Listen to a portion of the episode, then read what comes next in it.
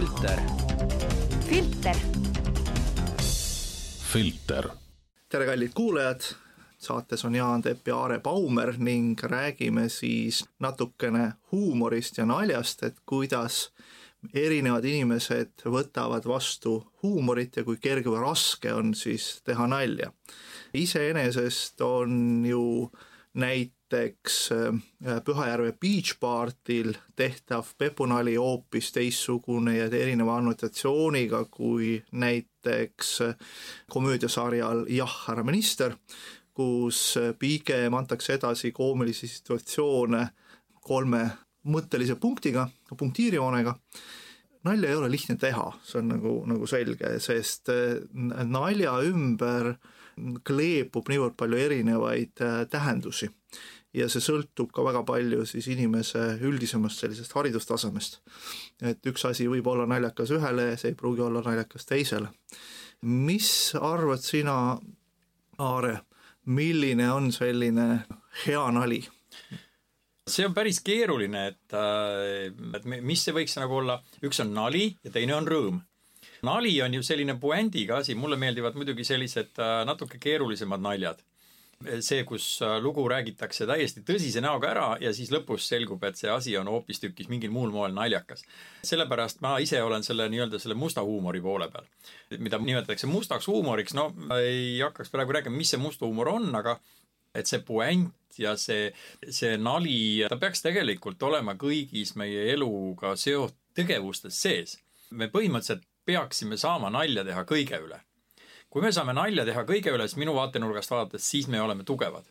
ehk siis me võime nalja teha nii äh, sünni, elu kui ka surma üle. no me tegelikult puudutame väga tõsist teemat, et äh, taust on ju tegelikult meil Charlie Hebdo ja, ja loomulikult hilised äh, sündmused Prantsusmaal,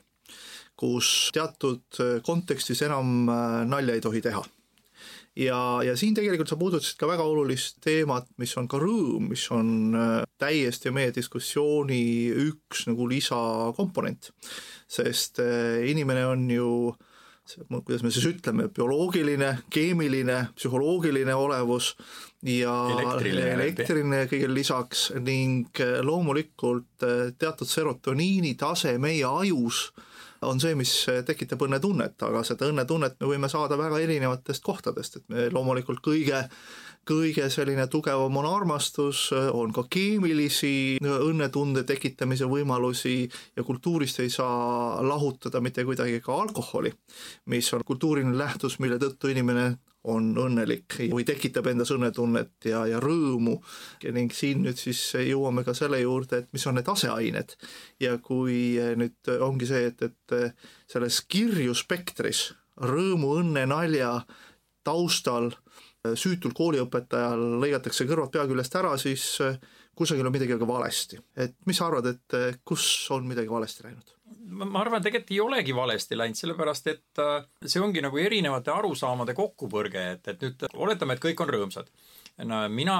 sain teada, et kõik on rõõmsad taevas mingil ajal sellepärast et äh, seda natukene naeruvääristati nõukogude ajal, aga siis kõik pidid olema väga õnnelikud ja see oli selline nagu natuke naeruvääristatud kuvand sellest, kuidas siis oleks mingisugune ideaalmaailm olemas. aga, aga noh, kus kohal kõik võiksid õnnelikud olla, vaat ja siin ulmekirjanduses ma ütleks, on väga hirmsaid näiteid. nimelt, äh, kui ma tuletan meelde vist, kui ma ei eksi, Heinleinil oli selline teema, kus siis üks tegelane valas terve linna, siis jutt käib muidugi Ameerikast, nagu ikka Heinlein elas Ameerikas ja siis ta kirjeldab seda, kuidas siis tulevikus valatakse terve linna veevärki meie mõistes Ülemistel. võib-olla me isegi, mul tundub, et me rääkinud ka natuke sellest kunagi, aga valatakse sinna sisse sellist vedelikku, mis inimeste mälu kaotab ära kuni mingi perioodini, mingi ajani. ja siis tekib seal üks usulahk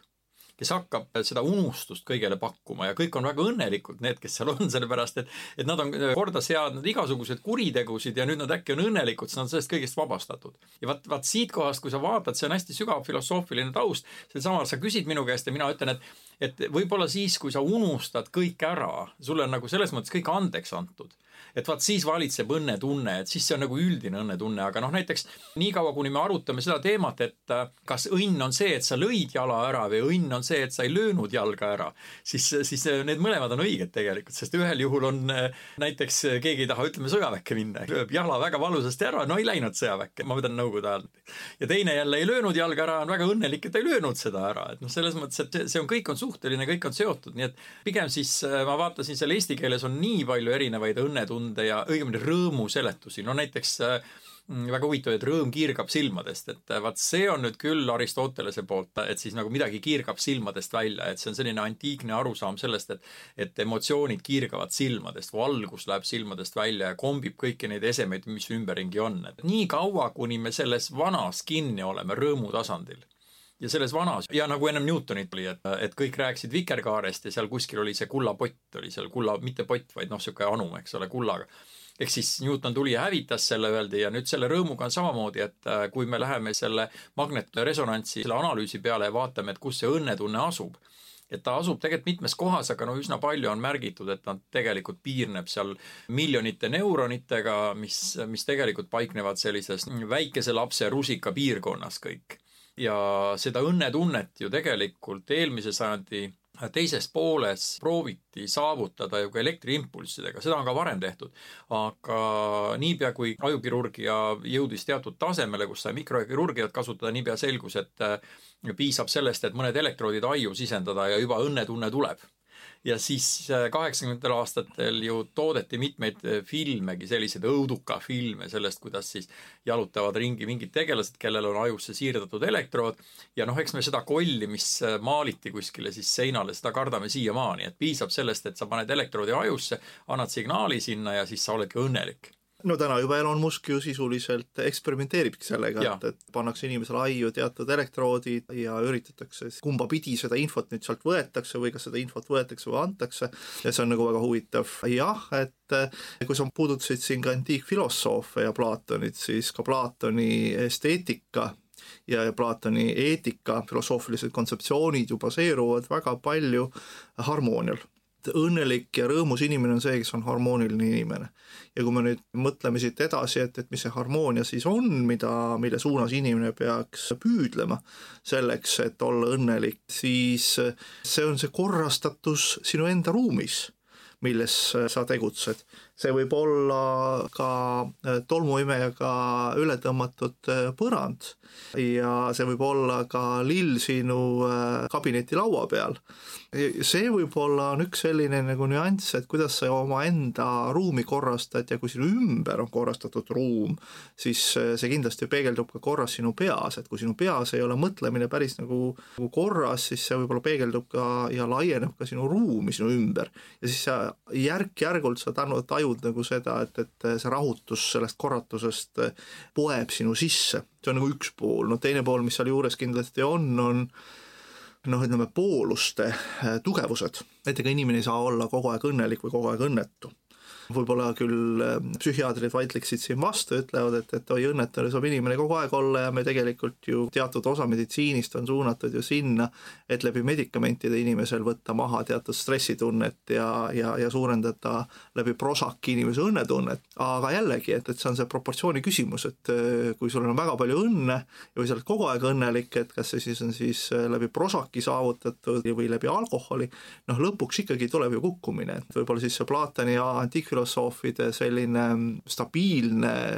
tasakaal ja mõnes mõttes harmoonia on ka see harmoonilisus äh, nende pooluste vahel. ikkagi on see, et ühel hetkel on sul paremad olukorrad, hetked psüühik-, psüühiliselt ja teisel hetkel on võib-olla vähem äh, rõõmu tekitavad hetked ja sa tunnedki rõõmu tänu sellele, et, et sul on võimekus ka mitte tunda rõõmu, see on selle, see vastandite äh, vältimatus ja vastandite äh, parat-, paratamatus. ja, ja aga vaata see, see, kui ma kuulasin ja vaatasin samas neid pilte, need äh, aju,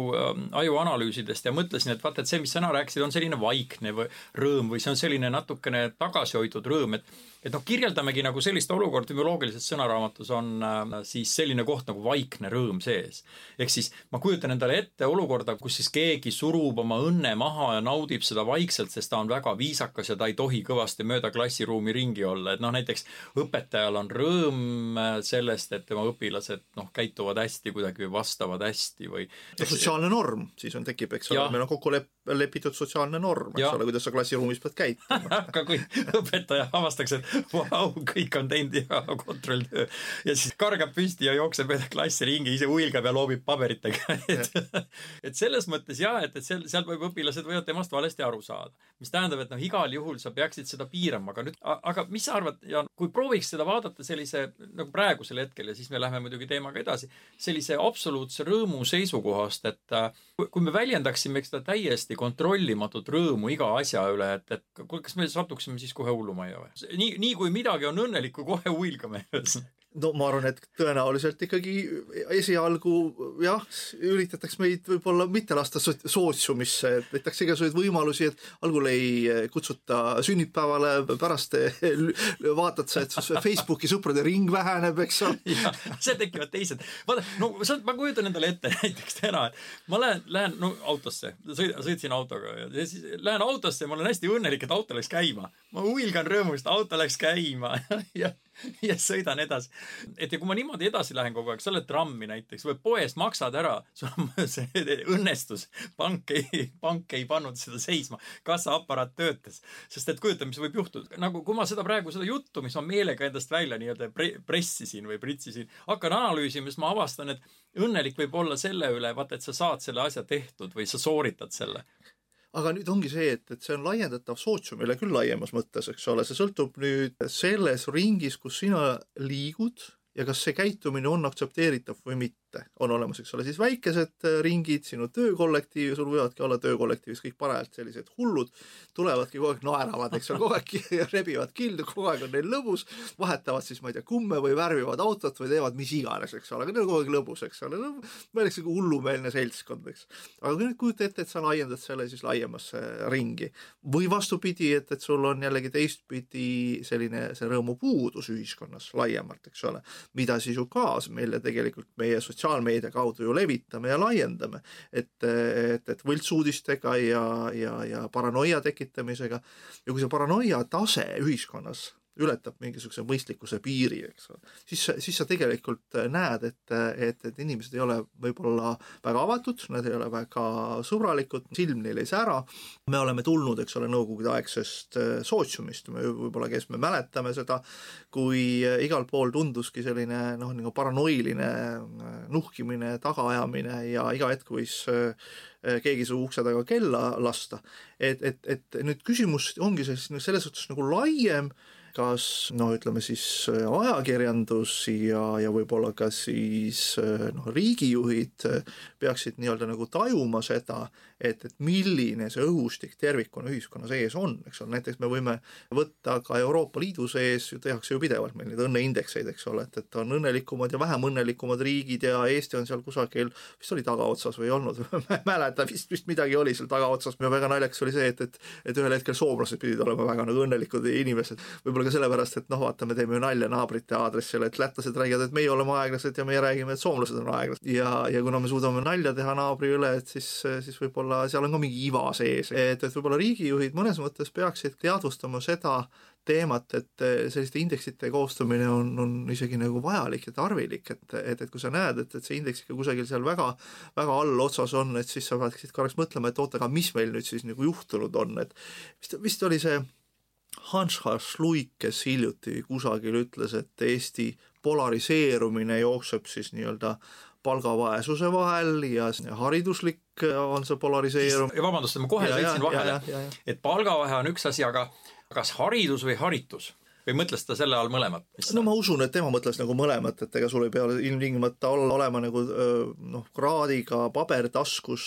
see ei sega sul olla psühhopaat, et sa võid küll olla doktorikraadiga, sa oled psühhopaat ja sinu ümber inimesed ei taha olla, sellepärast et noh, sa imiteerid sellist negatiivset nagu lainet, et noh, vot see ongi nagu küsimus see, et kas inimesed tahavad sinu olla või mitte. kas su nägu nagu naerab või, või vastupidi, et pidevalt sa üritad rääkida uudiseid või edastada uudiseid, ka näiteks nagu Facebookis edastada uudiseid,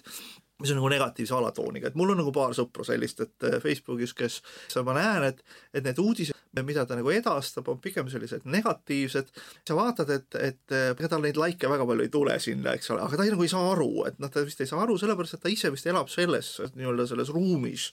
kui me rõõmust räägime, ma arvan, et äh, et inimesed, keda ma tegelikult täna hommikul vaatasin CNN-i videos, olid õnnelikud ma ütleks veel, et nad, nad ei olnud nagu meie, meie mõistes ütleme heaks kiidetud õnnelikud. aga ma kirjeldan ka kohe seda situatsiooni, nimelt siis vaatan hommikul CNN-i ka üle, nagu kõik teised ja olen väga õnnelik, et on internet olemas, et ma saan vaadata, mis seal teisel pool maakera tehakse. see oli selline hästi väike, toimetaja ütles, et nendel ei ole isegi haiglat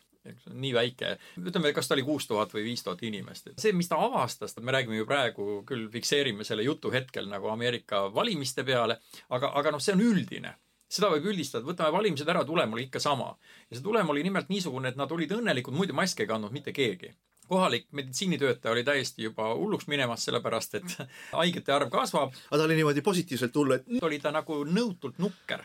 ja põhjus oli hoopis teine. ma vaatasin selle meelega järgi, sundisin ennast vaatama, see oli noh, kaheksaminutiline episood, mis siis näitas lihtsalt inimeste käitumist ja mitte keegi ei olnud seal rahvuslane või mitte, mitte midagi. aga küsimus oli väga lihtne Nad elavad nii-öelda laante vahel, ümberringi on oravad, hundid, karud ja kuus tuhat inimest. meie mõistes sellist kohta väga palju ei ole, laante vahel elada kuus tuhat inimest. said kogukonna köögis kokku, mitte köögis, vaid sellises noh, nagu meie mõistes, kus on bensujaam meil. aga nendel on siis see laiendatud, istuvad seal, siis ettekandja praeb, praeb mune singiga ja kõik oli väga hea.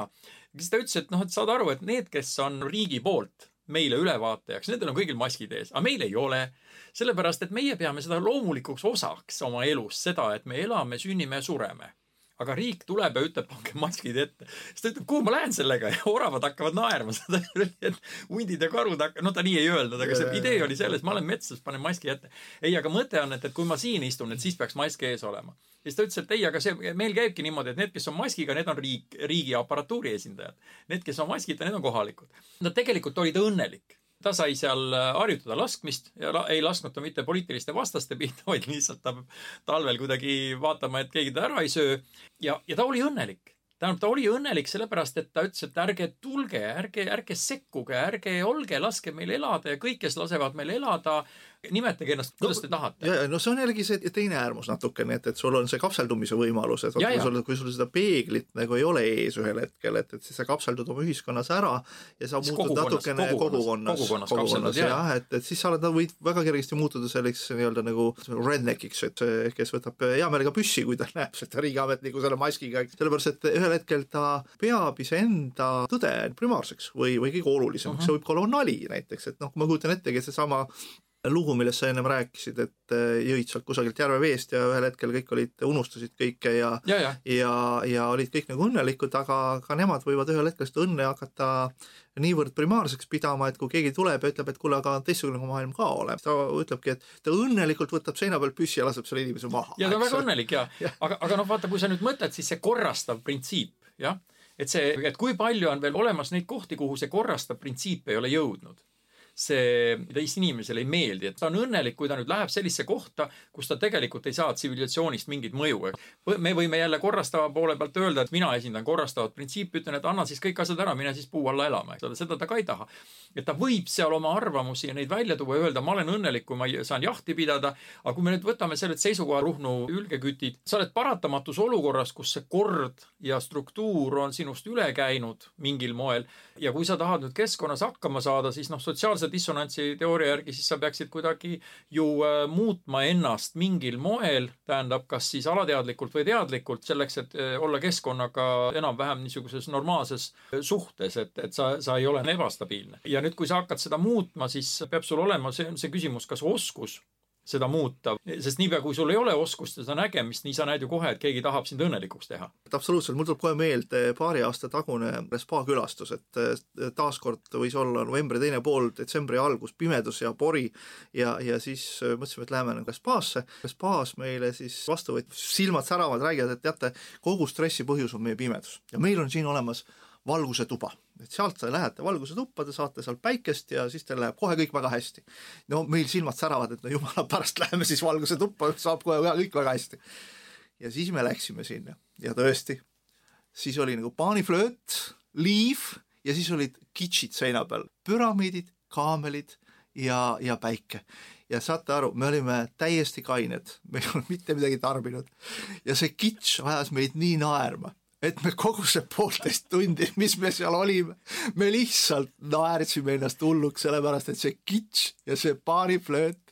ja see, need lambid, me veel huvi pärast ühel hetkel, kui me olime juba piisavalt nalja teinud seal nende, nende, nende selle paaniflöödi ja siis selle püramiidide üle, mis seina peal oli maalitud, siis me ütlesime, kuule, vaatame päikest. Ja siis me vaatasime seda lampi, see oli kõige tavalisem kuuekümne vatine pirn, mis oli siis keeratud, keeratud soklisse ja millega siis imiteeriti päikest. Ja see oli nii naljakas. Ja meil ei olnudki vaja alkoholi, meil ei olnud vaja mitte midagi. Ja me, me, me saime aru, et see tuba toimis meile nii, nagu ta pidi toimima, aga ma kujutan ette, mõnele teisele inimesele oleks täiesti puudutanud mitte mingisuguseid täis, täiesti teistsuguseid noote, ta olekski noh, olnudki summ-summ ja nautinud seda paaniflööti ja ta oleks olnud õnnelik, aga see õnn oleks tulnud hoopis teise annotatsiooni tõttu. aga nüüd me jõudsimegi väga hea teema juurde. mõned nädalad tagasi abikaasaga koos sai käidud äh, Toila spaas ja, ja Toila spaaga seob mind lihtsalt see, et äh, ükskord lapsed ütlesid, et kui sa kohe Toila spaasse ei lähe, et sellest on aastaid tagasi, et siis, siis sa oled üle töötanud, lähed hulluks. ma läksin sinna, see kohandumine võttis mulle aega üks kakskümmend neli tundi, aga pärast seda olen ma Toila spa veendunud pooldaja ja, ja mis seal juhtus, mulle muide jäi igaveseks meelde see lõhn, mis seal oli. igaveseks tähendab minu, minu elu igaveseks, minu bioloogilise keha igaveseks jääb mul meelde. ja, ja see kõik see muusika tead, kui ma nüüd viimane kord käisin, kas, kas sa kinnitad seda, et minu teada oli nii, et Koia, Francis Koia, kes avastas Eestis Valgre laulud, ma lähen sinna spaasse ma, ma jõuan kohale, ma vahetan riided ära, ma, ma sõna otseses mõttes kihutasin sinna. ja kui ma sinna läksin ja siis ma võtsin selle lina ja istusin sinna roomisaana taha, vaatasin seda merele ja siis tuleb paaniflöödist see Saaremaa valss paaniflöödiga ja Koia mängib kidrat juurde. ma tegin niimoodi rahuloleva sellise mm, ja tead, ja see oli nii mõnus kõik ja siis ma, ja oligi kõik, ma juba olin selle kätte saanud, ma olin õnnelik. et mis see siis nagu on, et see on salvestunud sisse ja ma olen õnnelik. Ja vot nüüd see wellness ja see hedonism et, et vot see on nüüd üks huvitav teema, et äh, võib-olla meie sees on päris, tähendab, me liigume selgelt ju praegu hedonismi poole või sellise wellnessi poole, et spaasid tehakse rohkem. Äh, muide, võib öelda, et äh, karantiin on selles mõttes väga hästi mõjunud, et päris väljapool Tallinna hotellid on, täituvus on juba kaheksakümne lähedal, ma võin öelda et need, kes mulle vastu vaidlevad, aga ma viibisin laupäeval, käisin läbi näiteks Rakvere spaast küll nagu õppe-eesmärkidel, aga hotell väitis, et nende, neil ei ole vabu kohti päriselt, neil ei ole vabu kohti ja turismi, siseturismi seisukohalt on toimunud see, mida aastakümneid ei ole juhtunud, see on see, et siseturism õitseb. Äh, ainuke lugu on, et need, kes ütlevad, et ei õitse, vaat nüüd, et selleks, et õnnetunnet saada, on siis vaja tekitada sellised spaalaadsed elamused inimestel. aga see disain ja see kõik on häälestatud, ma ütleks ka, et, et mõni asi võib-olla ajab mind naerma, aga samas kõik need vaasid ja kõik see muu on häälestatud selleks, et mul tekiks niisugune rahulolu tunne, et see wellness see, mida inglise keelest eesti keelde panna, see tähendab selles mõttes, et sul läheb hästi tunne. esteetiline harmoonia. esteetiline harmoonia ja kui see kõik on paigas, ma tooksingi praegu näite, eks mis mind naerma ajaks, kui seal oleks üks väike kuhi äh, nagu, nagu ütleme, mullaseid kartuleid kuskil, et vaat siis, et sa, et sa lähed sisse. dissonants, siis on, siis on, see on see must huumor, mis sinna sisse nüüd tuleks, et ma kujutaksin ette, et spa direktsioon ütleb, et noh, seal on, kellelgi on niisugune musta huumori päev, et, teeme selle, kus on täielik harmoonia ja sul ongi need, need, need äh, püramiidid ja see paaniflöös ja pane, ja paneme mullased kartulid keset kuhugi sinna liiva peale. ja kes saab aru, kes ei saa aru, eks ole, kellele tekitab õnnetunnet ja, ja naerupahvakat, kellele mitte, eks ole. aga vot, näed, ongi väga huvitav, õnnetunne ja naerupahvakas, et üks on selline ootamatu lõbus moment jah, et see on lõbus, aga ma ikkagi läheks veel natukene aega oleks selle wellnessi kallal, et selle ja hedonismi kallal, et eestlast vaevalt, et hedonismis saab, saab süüdistada, et, et see, seda ma ei usu, et me selleks oleme veel liiga vaesed. aga meil on ka liiga vähe päikest liiga vähe päikest ja just, et seda peaks rohkem olema. aga see wellnessi osa, et see, see spa kultuuri osa, selle nende käimine seal, seal olemine ja selles, selles liikumine, et, et see ju tegelikult aitab ju kõvasti kaasa, mis sina arvad, on ju? no absoluutselt, absoluutselt, ega aga nagu kui tihedalt sa tahaksid nagu seda käia niimoodi? Jah, ma tunnengi huvi, et näiteks, et Jaan, et no ütleme, et selleks, et sul oleks niisugune püsiv mõnus õnnetunne, niisugune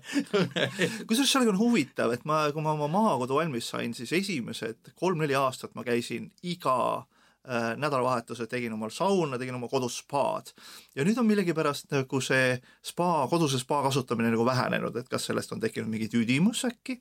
ja noh, vaata, ega siin kõikide asjadega tekib mingil hetkel mingi tüdimus, et kui ma ütlen, et kui tihti mina nagu spaas tahaksin käia, no ma arvan, et kord nädalas oleks ikka juba jube, jube lahe, et, et vaatad passi ja lased, vaatad passi ja lased roosast torust ennast alla, eks ole, kiljudes rõõmu pärast. kiljudes, eks et, et miks mitte, miks mitte, see on see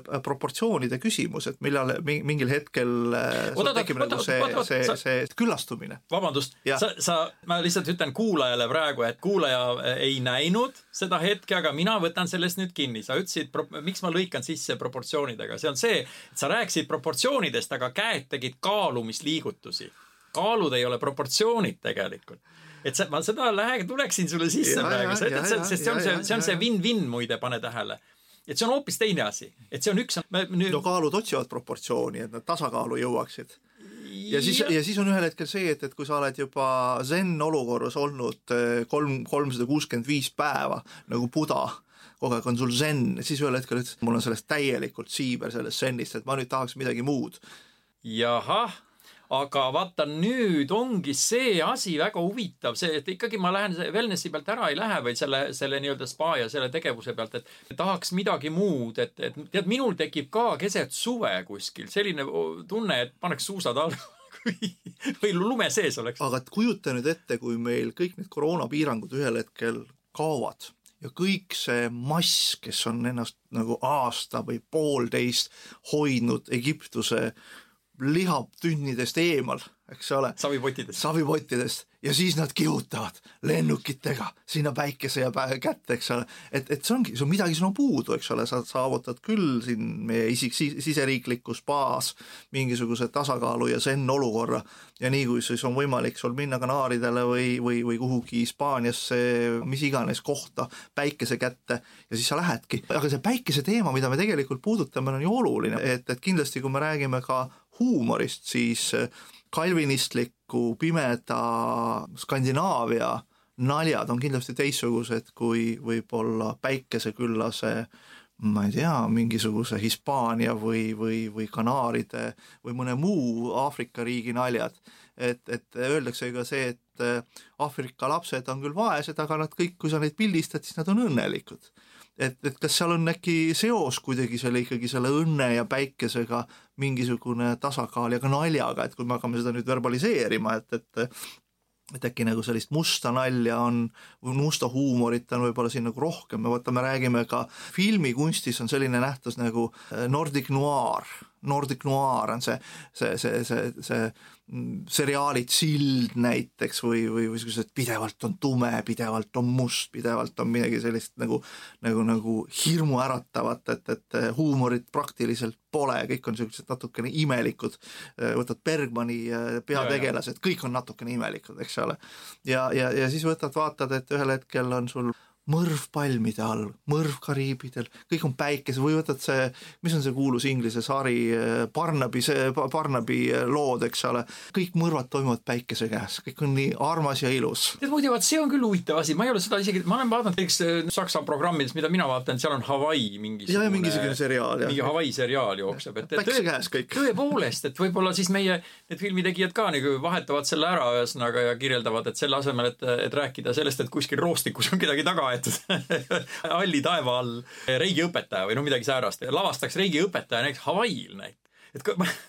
mõtle, mõtle, kui hea oleks. aga kusjuures arvestades, et meil on juba täna on kliima nagu nihkunud kuu aega, et meil on nüüd novembrikuu alguses on sisuliselt eh, samasugune temperatuur, nagu peaks olema oktoobri alguses. et võib-olla me saamegi oma sellise eh, inglise, inglise kliima, lund nagu pole, pimedat aega jääb ka vähemaks ja see kindlasti hakkab mõjutama ju ka meie eh, noh, Nalja. nalja ja huumoritunnet. aga koolis äh, ma õppisin seda, et Puškinile olevat meeldinud äh, sügis mina ei suutnud avastada, miks see Puškinile sügis meeldis. küll aga ma võin öelda, et minule meeldib sügis, ma, mul on õnnetunne siis, kui ma näen, kuidas kuidas see looduses on, ütleme, see vili on põllult maha lõigatud ja tegelikult minu nooruse selles rõõmus, ühes rõõmus äh, minu nooruse ühes rõõmus äh, on selline pilt, kus on madalad künkad, hästi madalad, jah ja siis sealt küngastelt, need on siis sellised noh, niimoodi kolm kuni neli kilomeetrit sa näed enda ees. põldudelt on vili koristatud või mida iganes sellega on tehtud. seal on siis kuivenduskraavide juures on sellised, neid kraave pole näha, seal kasvavad need põõsad, mis on juba punakad natukene, värv on muutunud. Äh, sügispäike on läbi selle, paistab läbi selle veeauru ja tolmu, et ta on hoopis teistsugune, aga ta ei ole külm, vaid ta on soe. ja nüüd ma jalutan ja nüüd ma jalutan, väljas on kakskümmend kraadi sooja. Et vaat see hiline indiaani suvi või vananaiste suvi, vaat siis ma tunnen rõõmu sellest keskkonnast. on huvitav, et ma just sõitsin äh, pojaga äh, läbi linna ja läbi äh, meie oma kodutänava pargi, kus just olidki, et värvid olid sellised kirkad, punased, kollased ja, ja ma isegi ütlesin poisile, vaata kui ilus sügis meil on nüüd no, praktiliselt oktoobri lõpus. et, et noh, jällegi see on, see puudutab sellist esteetilist meelt, et me, me, me saame rääkida mõnes mõttes nii-öelda kunsti maitsmisest, esteetika meelest et kui me loome enda ümber teatud korrastatud ruumi, ma tulen tagasi jälle, eks ole, oma vana teema juurde, et kui me ostamegi lilli sellepärast, et tuua äh, tuppa värvi, elu ja rõõmu, eks ole, see on selleks, et, et meie enda meeleolu oleks parem. ja, ja, ja nüüd ma muidugi tooksin ikkagi sisse ka selle nii-öelda selle noh, teatud nalja ja huumori nagu tausta või, või, või taustmärksüsteemi, kuidas üks või teine saab sellest aru, et et kuidas annotatsiooni kontekstis, et siin võibki nagu tekkida see kontekst, kus sa ei taba ühel hetkel ära, et, et mis on ühel inimesel nali ja teisel inimesel nagu ei ole nali, et, et see, see, see, see kontekst ja taust võib olla täiesti erinev. et mitte situatsioonikoomika ei ole oluline, vaid tema võtab seda märki kui sellist, jääb selle küljegi nagu kinni. sinu jutust tegelikult on päris mitu sellist äh, kuidas öelda, pistikut, kuhu ma saaks ühendada sellist kohta, ühesõnaga oma uutele lähenemistele. ma korra võtaks veel ette sellise asja, mille nimi on subjektiivne well-being ehk siis nagu heaolu, subjektiivne heaolu. et see sõltub kultuuriti ja noh, üks võimalus ongi, et, et kuidas nagu Eesti rahva tuju rõõmsaks saada ongi, et, et me lähtume sellest, et, et mingi osa protsent ühiskonnast ei, ei tegelikult ei taha õnnelik, rõõmsaks saada ei taha lihtsalt, nad ei taha. ja nüüd äh, võib-olla, kui sul koju laekub näiteks teade, et teid on tunnistatud nüüd mitte rõõmsatena, aga ülejäänud saavad kõik endale äh, spa külastamise allahindlust, et, et külastada, et miks ma selles spa küljes olen, et meil tegelikult ju ei ole väga palju selliseid rõõmsaks saamise või ütleme niisuguse noh, nagu mõnusalt olemise kohti. tegelikult ju meie kultuuris, et no kus sa lähed. üks asi, mida ma tahaksin kindlasti rääkida praegu, ma tahan kahte asja korraga rääkida, siin on nüüd vali kumba, on see, et, et kui äh, nüüd pärast seda pimedat novembrit, jah, mis on tegelikult üleminek sellelt ilusalt sügiselt talvele. teed ukse lahti ja no minul on koer olnud, taksikoer ja siis ta oli õnnelik ta oli, koer oli õnnelik, kui ta lund nägi, siis ta hakkas kohe seal lume sees hüppama, kiljuma, tähendab, ta oli õnnelik, ta oli rõõmus, vähemasti minul jääb tunne. tegelikult ma ei tohiks ju niimoodi öelda, sellepärast et noh, keegi ei ole tõestanud, et ta tegelikult õnnelik on või rõõmus. aga no ma ei saa seda muidu kirjeldada. äkki ta kõht valutas? ja, ja ta kõht valutas, aga ta kilkas rõõmust ja tegi sinna lume sisse auke ja hüppas peapidi sisse, jooksis, hüppas jälle üles ja tegi niimoodi edasi, see oli pehme lumi. ja, ja teine mida ma tegelikult äh, mõtlen, on see, mida sina oskad öelda, mina seda ei tea, on see, et kui me nüüd oleme sellest äh, nii-öelda mm, tänu Jumala pühadest ja sellest viljast salves, jah, ja nendest äh, saakond salves, sellest sellisest sümboolsest aktist, mida tegelikult Eestis väga palju ei, ei tunnistata, seda, kui me oleme nüüd sellest üle saanud, siis hakkavad ju jõulud tulema. ja vaat nüüd, nüüd ma küsin sinu poole pealt, sa tead rohkem Äh, kindlasti seda, et kuidas nüüd kirikus selle rõõmuga on, et nüüd, nüüd vali, et kas see, kas see, kas see nüüd taksikoera rõõm lume üle või kumbat teemat sa tahaksid nagu edasi? no võtame taksikoera kindlasti, aga räägime ka sellest kiriklikust äh, rõõmust ja, ja miks on just jõulud seal, kus nad on ja miks on näiteks ka meil paastuaeg täpselt kalendris seal, kus ta on, ega see ongi täpselt see, millega seotud sellega, millest sa räägid. see on seotud äh, esiteks meil on saagikoristusaeg, meil on nii-öelda nagu rahuloluaeg. rõõmus rahulolu. rõõmus rahulolu. saagid just. on salves, jah. just, ja siis on sul see nii-öelda pööripäev hakkab, hakkabki nagu valgemaks minema ja jälle on siis see kalender, kus äh, me mõnes mõttes noh, ütleme, kas see nüüd Kristuse Kristuse sündimine nüüd kalendris toimus täpselt seal, eks ole, ja me teame, et ei ole, see on ikkagi Kristuse sünd ja jõulud on kunstlikult tõstetudki kalendris sellele ajale, et, et elu aastatsüklis tekitada teatud harmooniat. ja kui me räägime ka, ka paastust, siis paastuaeg ongi just meil kevadel, see on siis, kui salved on tühjad. kui salved on tühjad ja inimene kõht koriseb, et siis anna talle mingisugune põhjendus, miks tal kõht koriseb, et anna talle see nii-öelda, et kuule, aga näed, et ka Kristus kannatas sel ajal, et, et, et sina kannata ka, eks ole, no see on teatud see loogika ehk nagu kirik ka ikkagi jälgib seda inimese well-being ut. Ja, ja, ja mõnes mõttes ta on selle oma kalendrisse ja liturgiasse sisse viinud, ta mõtestab teatuid asju ja, ja see aitab meil üle saada nendest pimedatest aegadest ja, ja, ja tumedatest aegadest. Ja kui ma ennem rääkisin siin äh, riikide õnneindeksist, et äh, huvitav, kas keegi on teinud äh, analüüsi, et, et kas nendes riikides, kus järjest legaliseeritakse kanepit, on midagi probleem õnneindeksiga et, et, et huvitav, väga huvitav, ma ei, seda peab kohe mõtlema, et kust sellist infot saaks, et ja, ma mõtlen, et pean hakkama lausa guugeldama. et eh, mingisuguseid väga huvitavaid ju nähtuseid eh, võib ju, ju, ju, ju jälgida, eks ole, et noh, et, et siin ei ole ju tegemist sellega, et noh, loomulikult, et on tehtud eh, ka uuringuid narkootikumide kuritarvitamisest ja on leitud, et, et, et dekriminaliseerimise üks meetod ongi see, et sa no, lubad pehmemad pehmemad äh, mõnuained selleks, et, et inimesed ei läheks seda hankima nagu mustalt turult, see on üks nagu, nagu riigipoolne nagu, nagu aspekt. noh, teine aspekt jällegi on, et kas seotud äh, ka see kuidagimoodi üldisema nagu ühiskondliku auraga, no ma ei tea, ka aura ei ole hea sõna, aga noh, ütleme see üldine õnne, õnneindeks siis. indeks jah, mis lähendab, väljub tegelikult ju subjektiivselt. et, et kui, kui, kui Kanadas kõik taksikoerad hakkavad lumes püherduma, eks ole, siis järelikult on asjad kõik korras, et aga noh, jällegi, et äh, lund meil ei ole, ma just hakkangi mõtlema selle peale, et, et äh, suusad nagu on päris kallidki, teised said omal ajal muretsetud ja nüüd käidi ainult pühid tolmu sealt, et noh, et, et kas selleks, et saada suusatama, pean ma siis minema Svalbardi, et noh, et, et teravmägedele. noh, praegu ei saa teravmägedele ka, ei saa isegi minna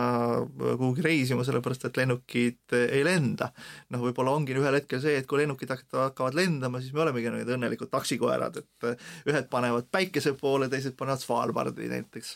veel pimedamasse. veel aga, pimedamasse, aga, aga lume kätte. aga ikkagi kätte. ma natuke läheks veel edasi selle, selle jõuluteemaga ja inimestega, kes tegelikult kirikus käivad, et äh, tähendab, käivad nad juba enne, aga, aga mind nagu huvitab, mida sina arvad nendest inimestest, kes siis jõulude ajal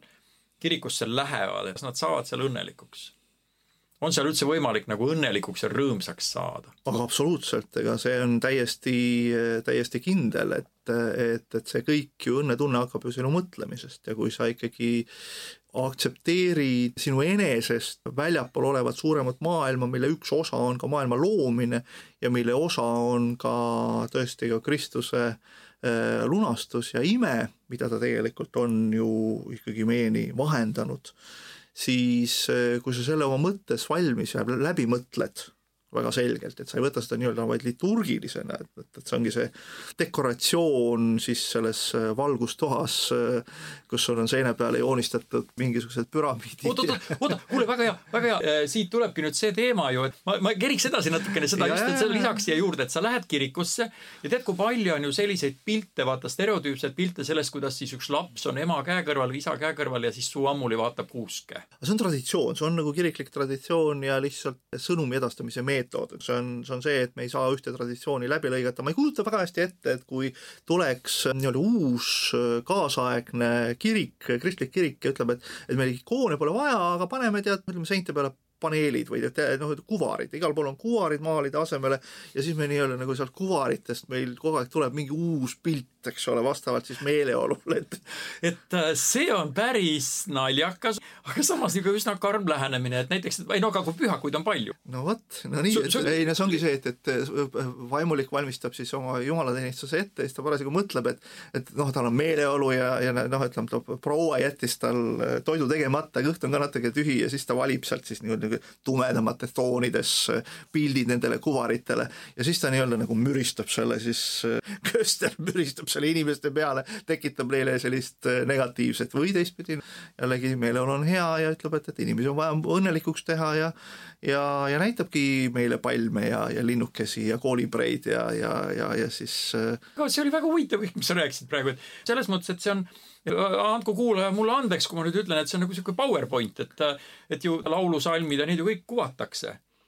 et loomulikult, kui, kui see on, ütleme, ajalooliselt välja kujunenud kirik, et kus ei saa seda teha, et ekraane panna üles, et et siis me läheme sinna sisse, kõik seal on nagu vanamoodi käib kõik, et kui ma nüüd üldse ei teaks mitte midagi sellest nagu jõuludest, mis on tegelikult võimatu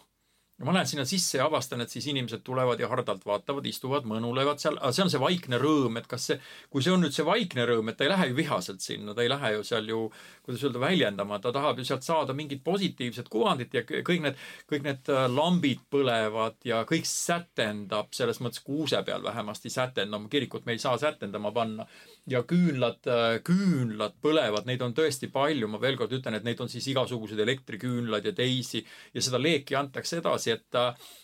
tead sa, noh, mul on endal ka selles suhtes tegelikult ju ainult sellised nagu, nagu mul on väga õnnelikud mälestused jõuludest. mul ei ole mälestusi, mis on halvad. et nad on pigem õnnelikud, et võib-olla üks osa on mu ajust välja toimetatud, aga jõuludega midagi sellist ei ole. pigem selline äh, mina ei oska tegelikult jõulu paika panna end. selles mõttes, et ma ei oska panna, sest et ikkagi veel kord see, mis ma ütlesin, tänu, see, tänu sellele, ütleme, Saksa-Austria programmide vaatamisele ma tean, mis on see, siis kui saagid on salves, siis neil on suur pidu ja siis on mingi vahepaus, meie mõistes on see november kõige pimedam aeg, siis on jõulud äkki kohal, et noh, ma, ma saan kõigest aru, ma olen kõigega kursis, aga ikkagi, et, et noh, miks ma siis olen sellises, kuidas öelda, sellises, ma ei tea, eksalteeritud või kuidas seda öelda, seisundis. sellepärast, et päev muutub äh, pikemaks valgust saab rohkem. ja ma ootan seda. sa ootad valgust. ja veel ta ei ole, tähendab. eriti kui me räägime ka liturgilises kontekstis, eks ole, et, et sõna oli valgus, eks ole, Jumal oli valgus, et, et et, et see valguse tähtsus ja päikese rohkus, mis on, on ikkagi niivõrd oluline meie organismile, et, et me,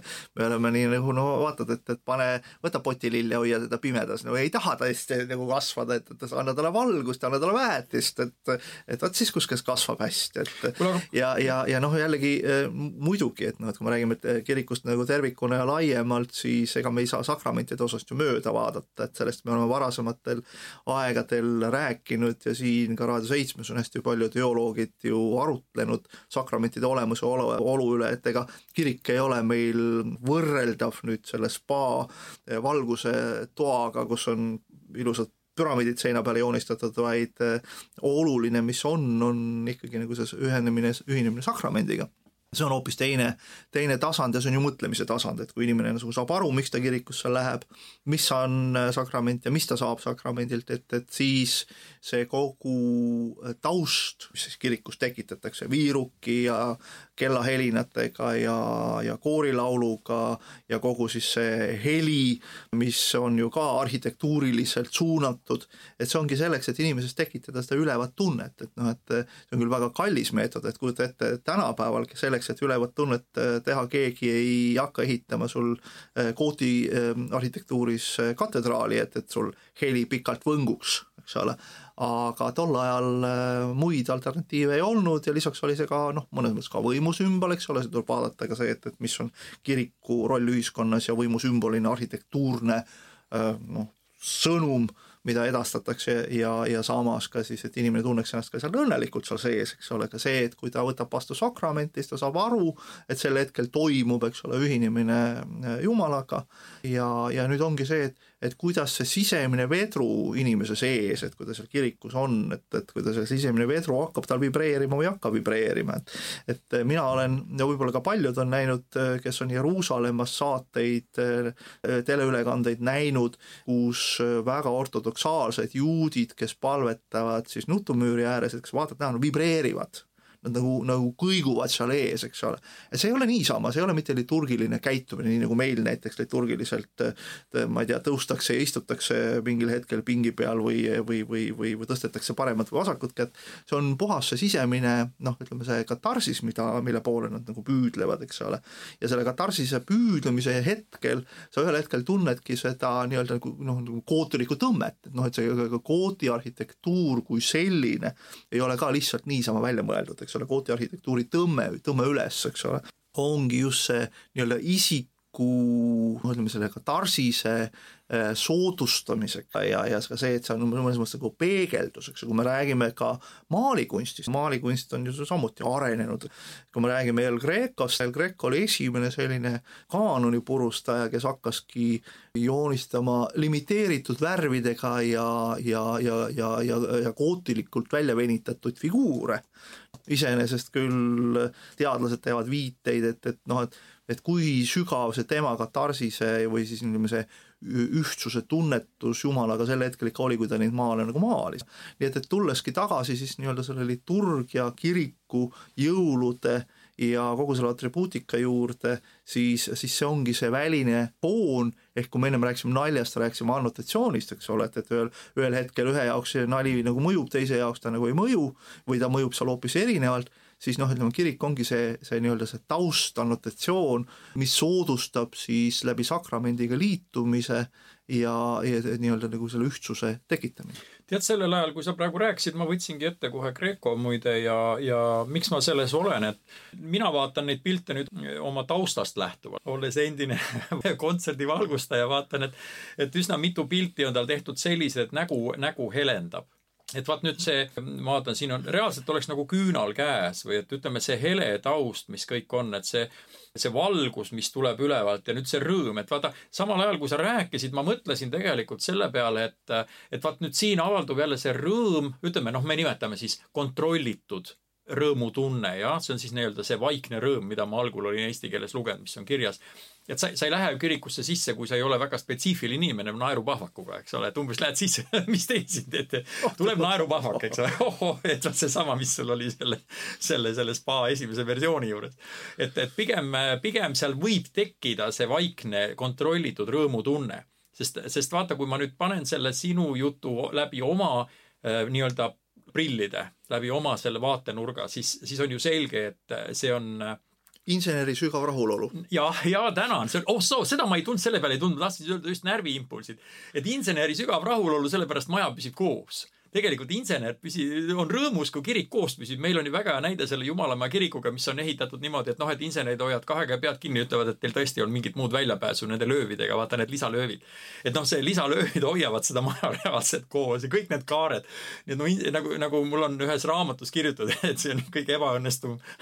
hoone, mis üldse on ehitatud. mis kohe on näha, et see kõik, kõik, ta peaks ise ju püsti seisma, eks ole, selle asemel on kõik tähi-, tohutu monstrum on ümber tehtud. mis muidugi on ka rõõm, eks ole, kõik on ilusaks tehtud. aga aga minu mõte just selle rõõmu suhtes ja eksalteeritus suhtes, et kui ma nüüd võtan selle magnetresonantsi pildid ja, ja kõik sellega, kuidas ajus need ajulained liiguvad, siis, siis jah, tõepoolest, et sa lähed siis kirikusse jõulude ajal ja, ja siis äh, kasvab noh, teatud liiki, ikkagi ma ütlen, mitte teatud liiki, vaid see rõõmutunne, noh, tuleb sellest äh, ajulainetest, mis sünkroniseeruvad, siis sa tead, et, et see märg ja porine sügis on mööda läinud, saagid on salves ja pime aeg läheb üle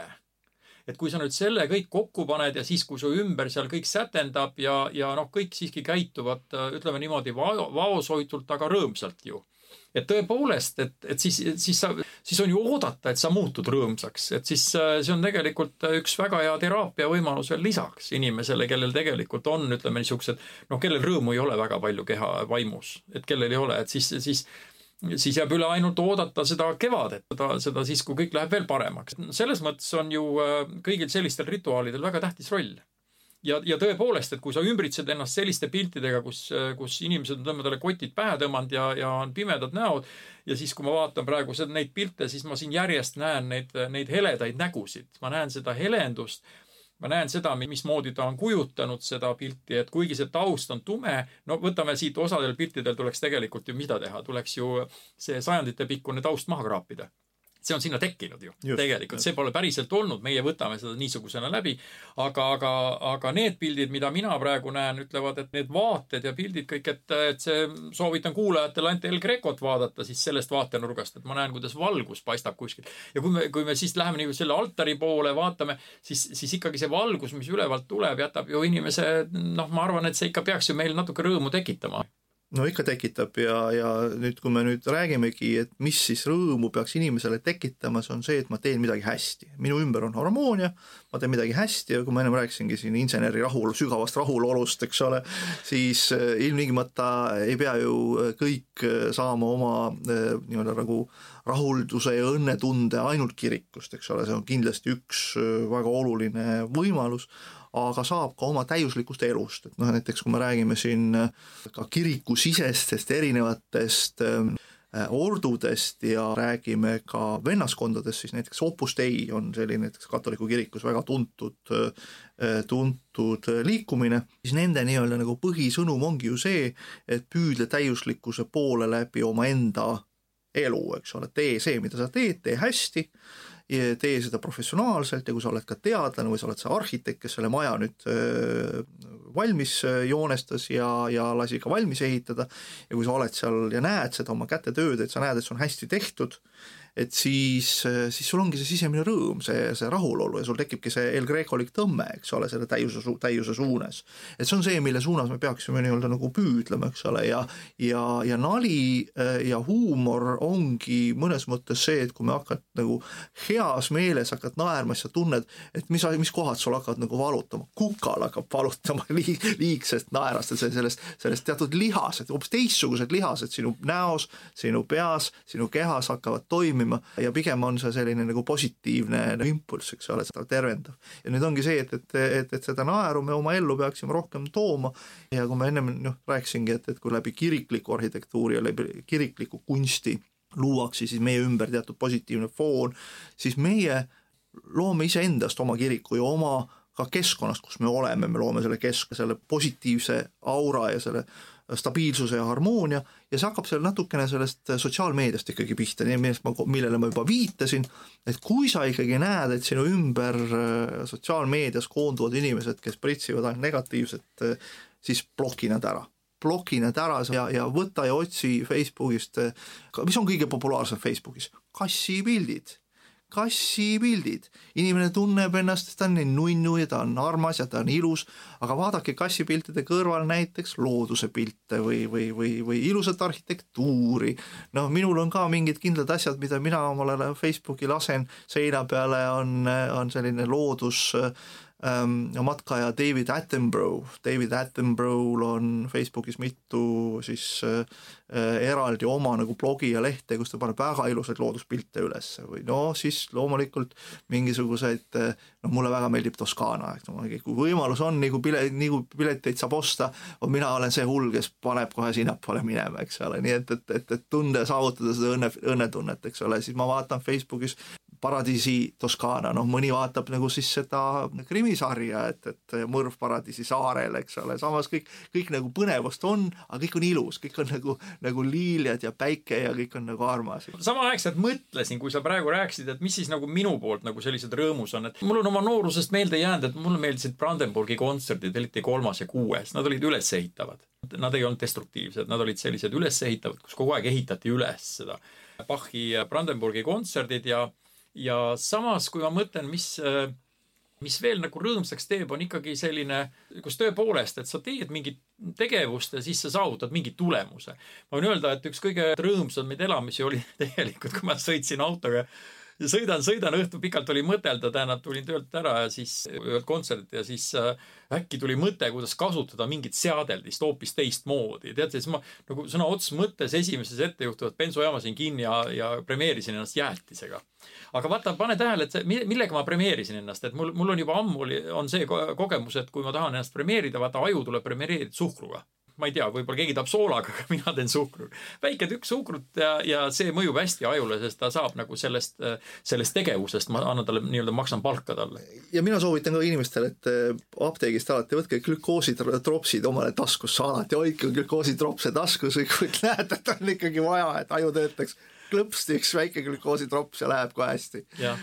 see õnnelik olemine, me oleme täna rääkinud õnnelikust olemisest ja naerust ja me tõime koerad siia sisse ja ja noh, ma ei tea, kuidas selle vihmaussiga on, kas vihmauss on õnnelik, seda me ei oska öelda, aga mida rohkem ta sarnaneb, see olend ikkagi nagu kasvõi inimesega või noh, nii-öelda. noh, tsiteeriks klassikuid, cogito ergo sum, eks ole, ma, ma, ma,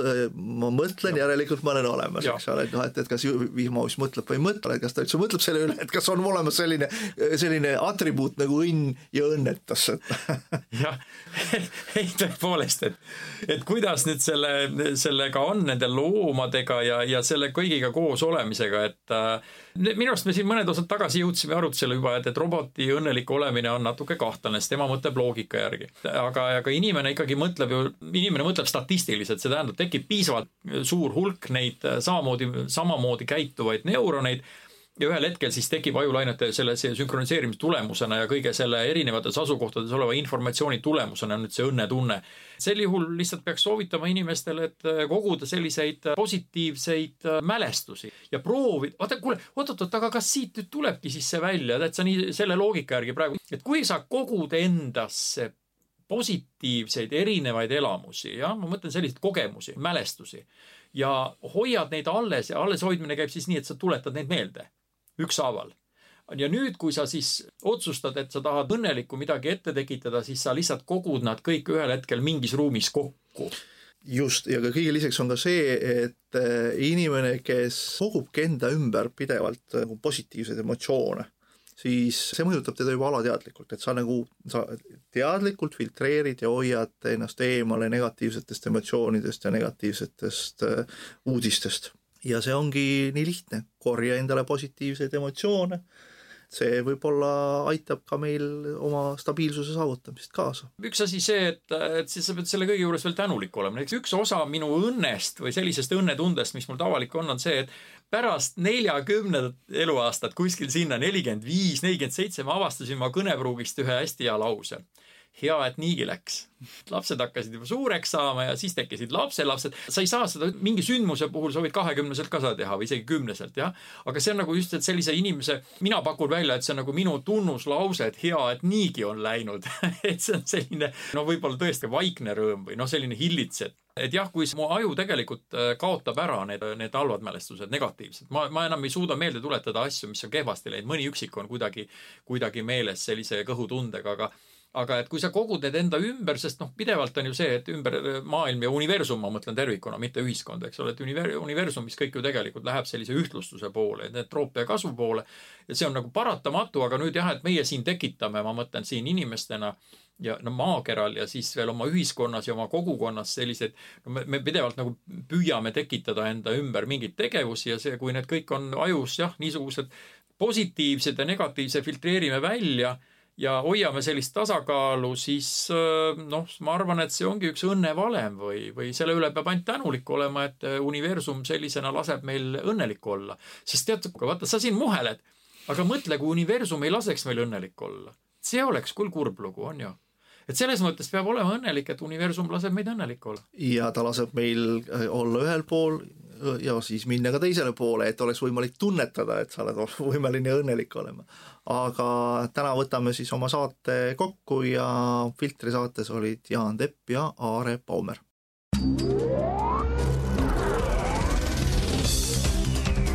filter. filter. filter